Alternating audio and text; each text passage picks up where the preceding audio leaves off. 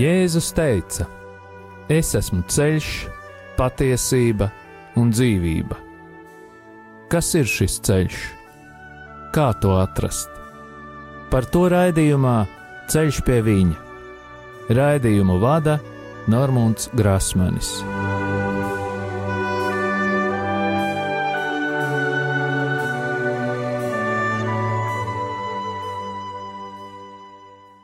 Lai ir slavēts Jēzus Kristus! Un tā ēterā mūsu jaunās sezonas jau ceturtais raidījums - Ceļš pie viņa. Un kā jau esat pamanījuši, šajā sezonā tas izskan piekdienās, 16.30. Man ir prieks ar jums atkal satikties, dārgie radio Marija klausītāji. Vēlos atgādināt, ka raidījuma e-pasta adrese ir ceļš pie viņa at gmail.com. Aicinu jūs rakstīt savus atsauksmes, varbūt kādam ir kāds komentārs, varbūt kāds jautājums. Labprāt uz tiem atbildēšu personīgi. Esmu pateicīgs visiem tiem cilvēkiem, kur atceras mani un pārējos rādījuma arī darbiniekus un brīvprātīgos savās lūkšanās. Mums tās ir ļoti vajadzīgas. Šajā pēcpusdienā runāsim par Jehovas lieciniekiem, kas ir pie mums Latvijā arī reāli darbojoša struktūra. Šīs kustības aizsācējs ir Čārls Tazē Rasels, kas ir atdalījies no adventistu sektas. Šī sekta sludināja Jēzus otrreizējo atnākšanu jau 1874. gadā. Pēc tam šī prognoze tika pārcelt uz 1915. gadu, tad uz 1916. gadu un visbeidzot uz 1918. gadu. Pēc veltīgas pastarās dienas gaidīšanas Rasels izlēma, ka otrreizējā Kristus atnākšana ir jau notikusi 1914. gadā, tikai kā neredzams notikums. Pēc smagām varas cīņām par Rasela pēcteci kļuva Džozefs Franklins Rūterfords. Pirmais Rūtenforda solis bija jauna pasaules beigu datuma noteikšana. Jau 1925. gadā tika gaidīta Ābrahama augšām celšanās. Ar šo datumu tika paredzētas šīs pasaules sabiedriskās kārtības beigas. Tad, kad Ābrahama augšām celšanās tā arī nenotika, Rūterfords šo datumu pārcēla uz nenoteiktu laiku.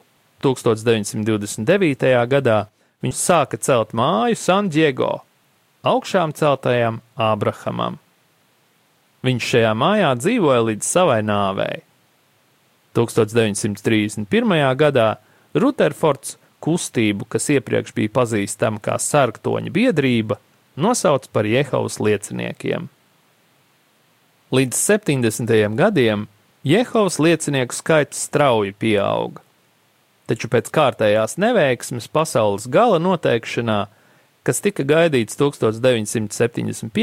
gadā, kustība pazaudēja lielu daļu biedru. Kopš tā laika jaunas prognozes vairs netiek izteiktas. Rūterforda pēctecis Nātans Homērs Knors organizāciju pakļāva stingrākām prasībām.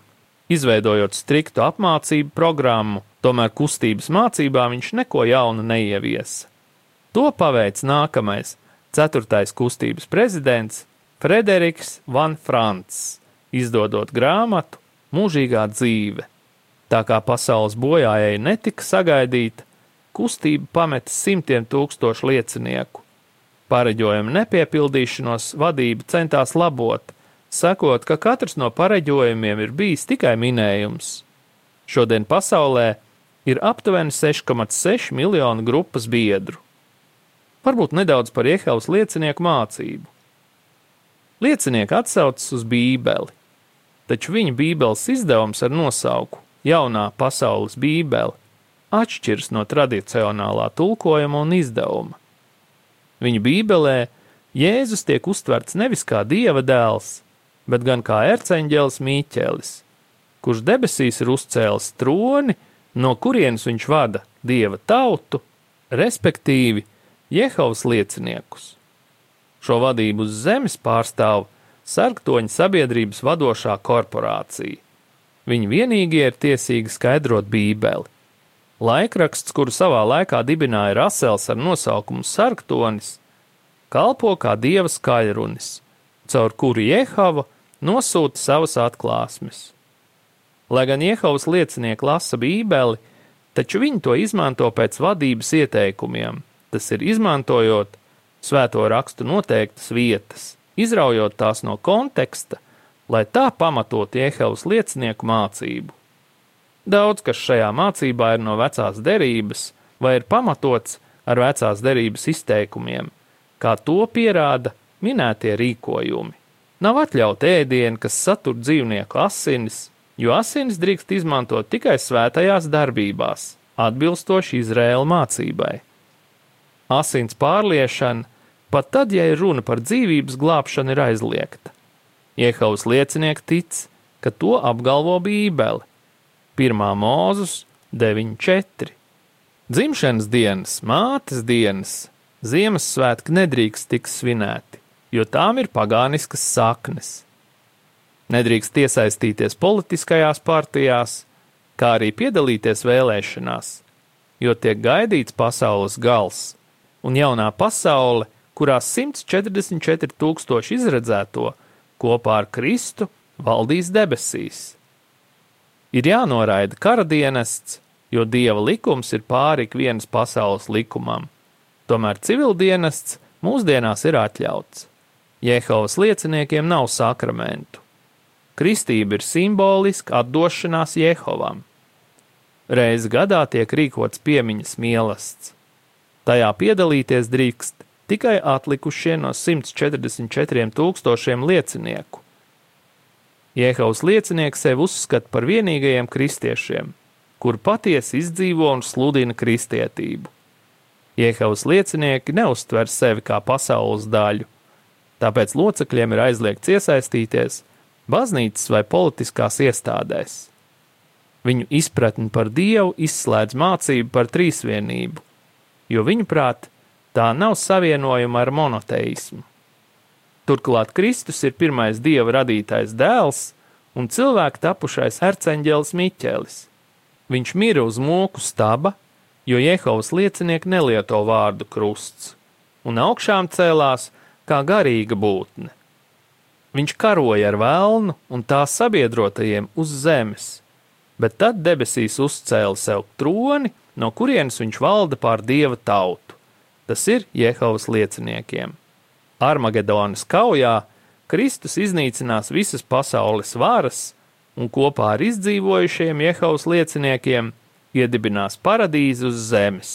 Kopā ar Kristu paradīzē valdīs arī jau minētie 144 tūkstoši Jehovas liecinieku.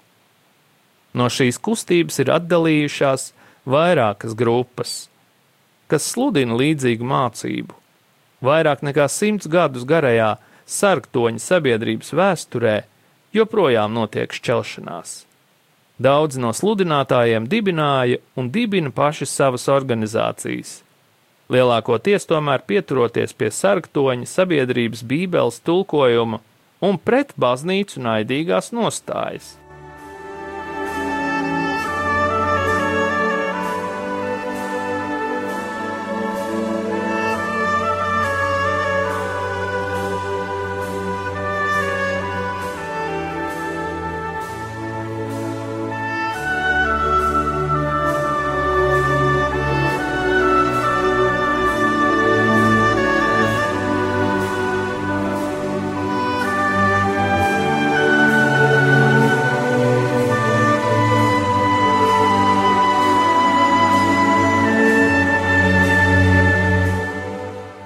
Nedaudz par organizāciju.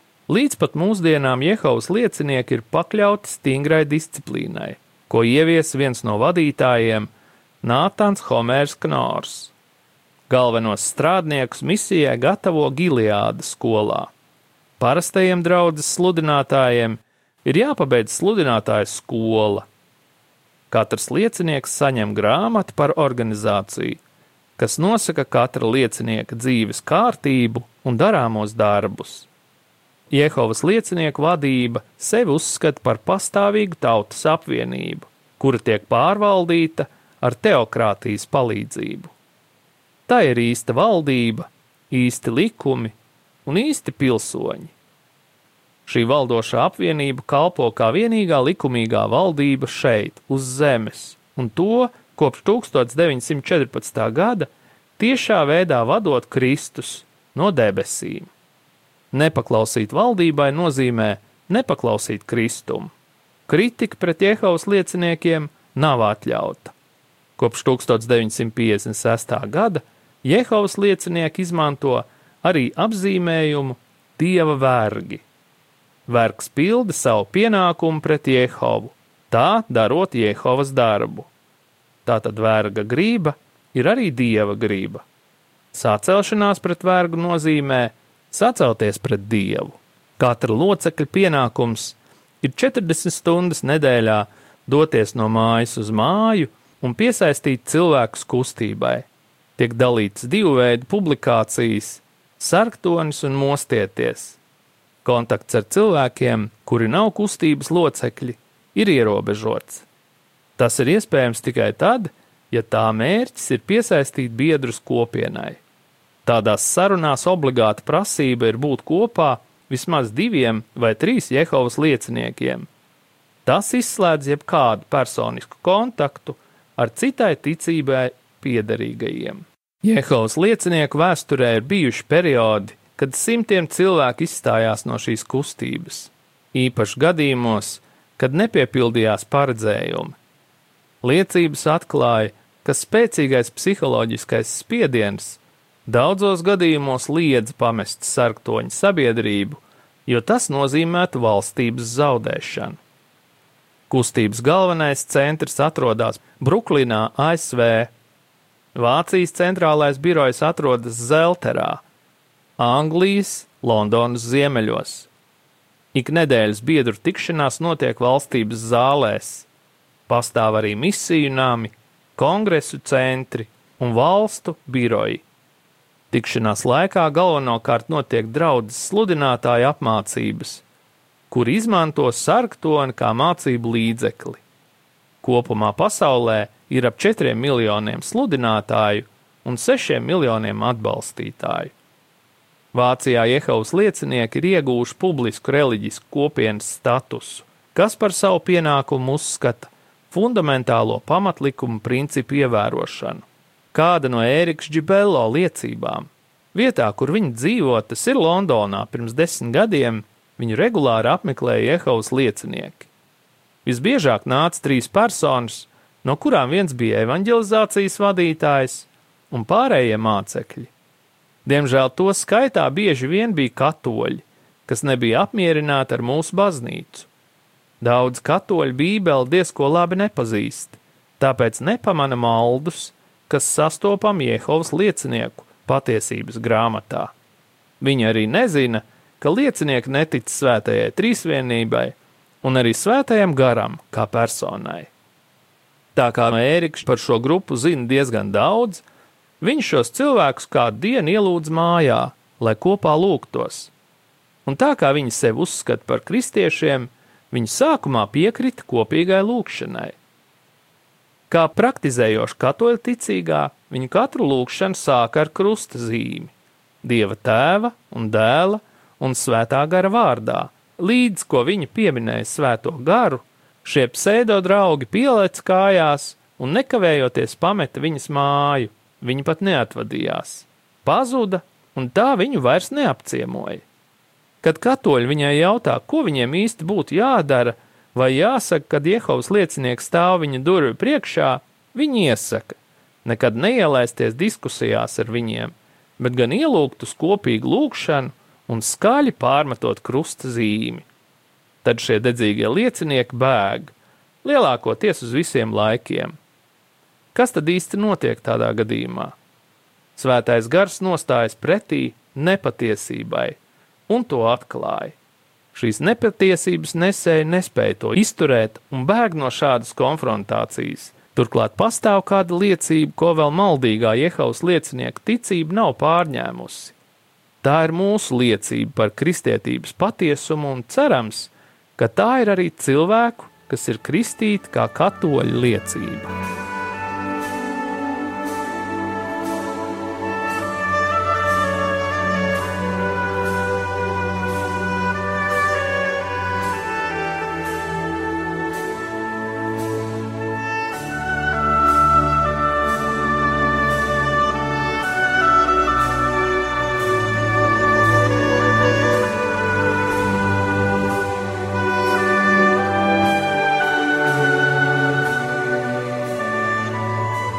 Tagad pietiks par maldienu.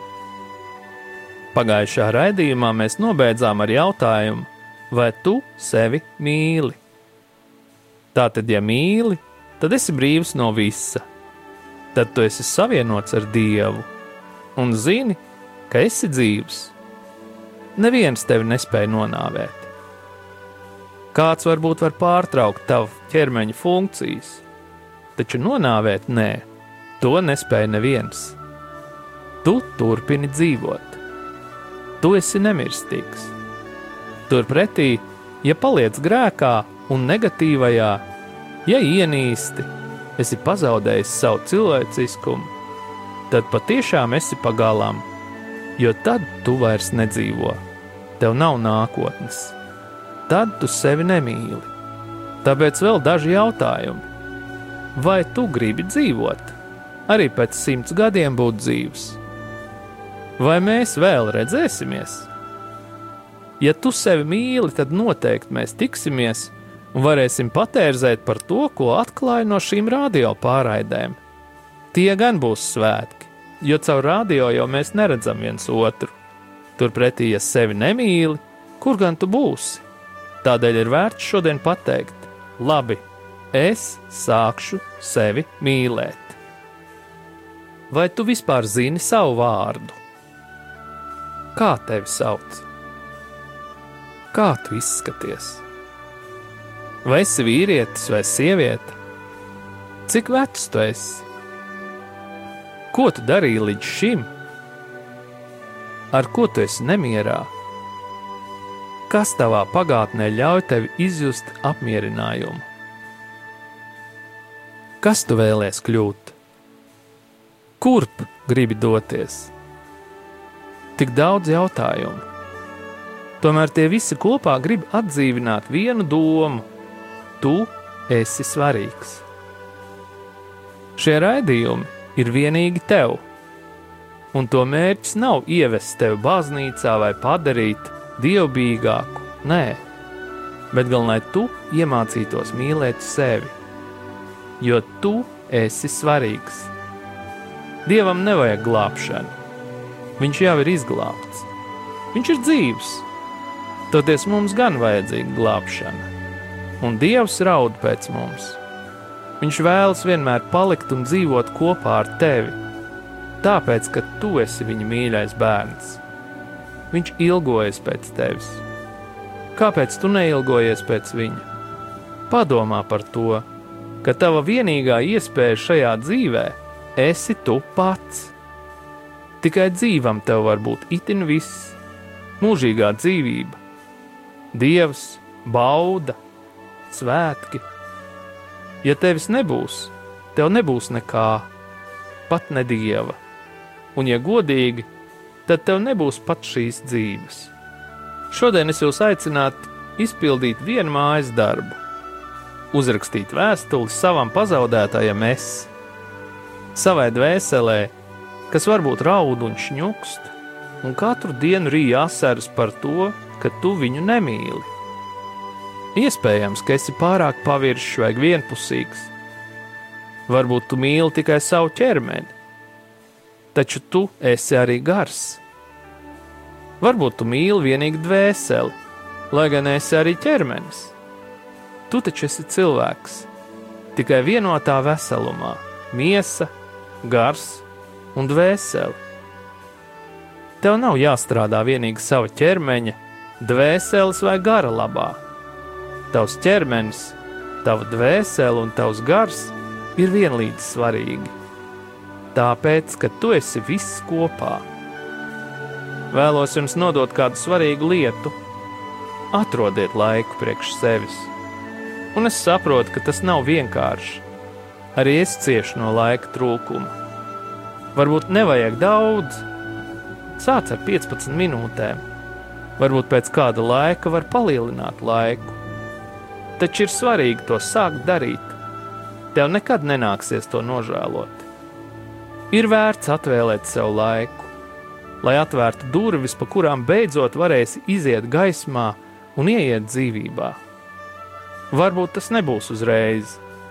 Varbūt katram individam būs savs laiks, pacietības audzināšanai, bet tas noteikti notiks ar katru, kas dos sev iespēju. Ir vērts reizi par visām reizēm atstāt aiz muguras visu savu pagātni, tā, lai vari būt pilnīgi drošs, ka tā vairs nekad neliks šķēršļus tev ceļā uz nākotni. Un atceries, ka ceļā, lai atgrieztos pie saknēm, nav vecuma ierobežojuma. Tas ir iespējams tikmēr, kamēr esi dzīvs. Vai skatoties uz savām dzīvēm, neparādās aina, cik vienpusīgi mēs dzīvojam? Pārsvarā tikai no zemes lietām. Mēs taču dzīvojam arī no augšienes. Zemē ir tikai mūsu saknes. Turpretī saule un mākoņi ir tur augšā, atkarīgi no dieva. Saule un mākoņi mūsu dzīvē nāk no augšienes. Lai dzīvotu ķermenis, vajadzīga zeme. Psihiskai dzīvībai vajadzīgi cilvēki. Mums ir vajadzīgi cilvēki un mīlestība. Taču gars dzīvo no vienīgā, absolūtā gara no Dieva. Mums ir vajadzīgs Dievs. Viņš taču ir mūsu Tēvs.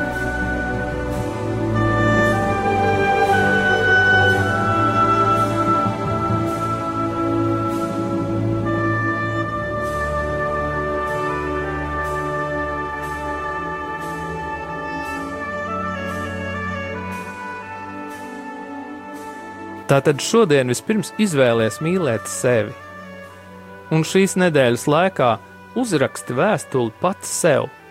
Vienkārši pasaki sev, beidzot es sāku sevi mīlēt. Uzrunā sevi vārdā. Saki, Dievs man ir devis mani pašu. Pavaicā sev, kā es izskatos, kādas ir manas perspektīvas, kāda būs mana nākotne. Pavisam mierīgi uzrunā savu ķermeni un dvēseli, es tevi mīlu. Tu patiesi esi mans lielākais dārgums, un izdari to šodien, un tu redzēsi, ka jau tikai tas vien pilnībā izmainīs tavu dzīvi.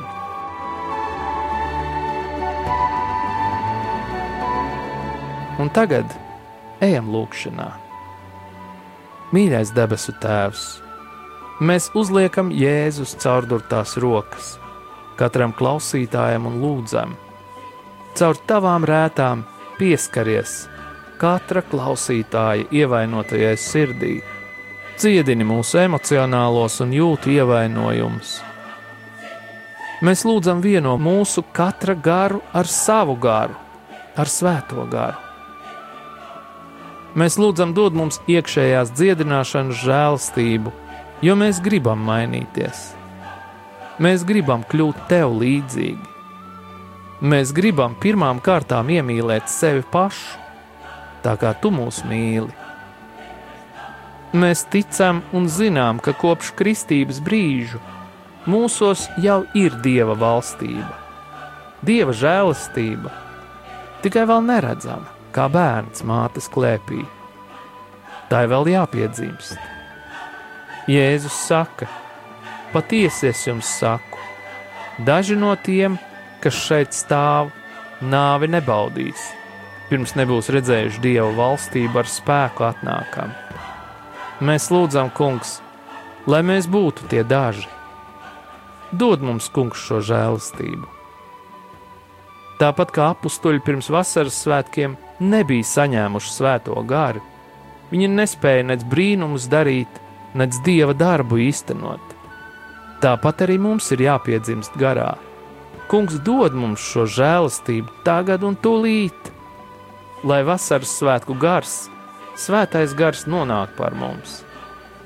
Mēs gribam piedzīvot tavus brīnumus, mēs gribam, lai mūsu sirdis tiktu izmainītas. Saņemt svēto garu nozīmē iemantot viņa spēku, lai uzvarētu grēku, un kas ir pirmais solis - sarautu savas saites ar grēku un ļaunumu Kungs, varbūt manā sirdī ir kāds slēpts grēks. Var, varbūt esmu ko runājis sliktu par otru cilvēku. Varbūt pateicoties maniem vārdiem, ir cietuši šī cilvēka reputācija. Kungs, es nožēloju šos savus grēkus. Es pieņemu lēmumu līdz galam turēties pretī kārdinājumam runāt, redzēt citos cilvēkos slikto. Kungs apžēlojies par mani grēcinieku. Nāc, svētais gars. Varbūt es esmu runājis un domājis par sevi sliktu. Varbūt esmu devis sev negatīvas programmas. Kungs apžēlojies par mani grēcinieku. Nāc, svētais gars. Kungs ir tik daudz grēku, kurus neapzinos. Dod žēlstību tos ieraudzīt, jo tu vari man to pavēstīt. Dod mums, kungs, ticības dāvanu, tādu kā mazais sinepju graudiņš. Ticēt nozīmē atvērties dieva žēlastībai un viņa klātbūtnei. Ticība rodas, kad dieva vārdu, kas mums pasludināts, mēs pieņemam kā patiesību. Komuniju mēs varam saņemt tikai ticībā.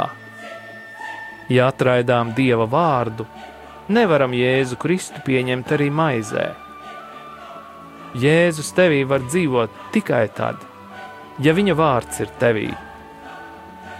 Kas mani mīl, tas manu vārdu turēs, un arī mans tēvs to mīlēs, un mēs nāksim un taisīsim pie viņa māju vietu. Un tagad saņemiet pāvesta Franciska svētību. Kungs Jēzus Kristus, lai ir pār mums, lai mūs svētītu, lai ir pie mums, lai mūs pavadītu, un lai ir ar jums un mums, lai mūs aizsargātu, lai mūs svētī Dievs Tēvs un Dēls un Svētais Gars, lai asinis un ūdens, kas izplūda no Jēzus Kristus sirds, izplūst pār mums, un lai šķīstī, atbrīvo un dziedina.